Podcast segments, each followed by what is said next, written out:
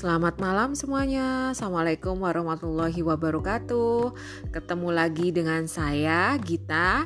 Di sini kita akan berbicara banyak tentang emas. Apa sih sebenarnya keuntungan kita untuk berinvestasi emas? Jangan ke mana-mana ya teman-teman. Simak dan kita belajar bareng-bareng. Apa sih sebenarnya keuntungan dari kita menyimpan emas?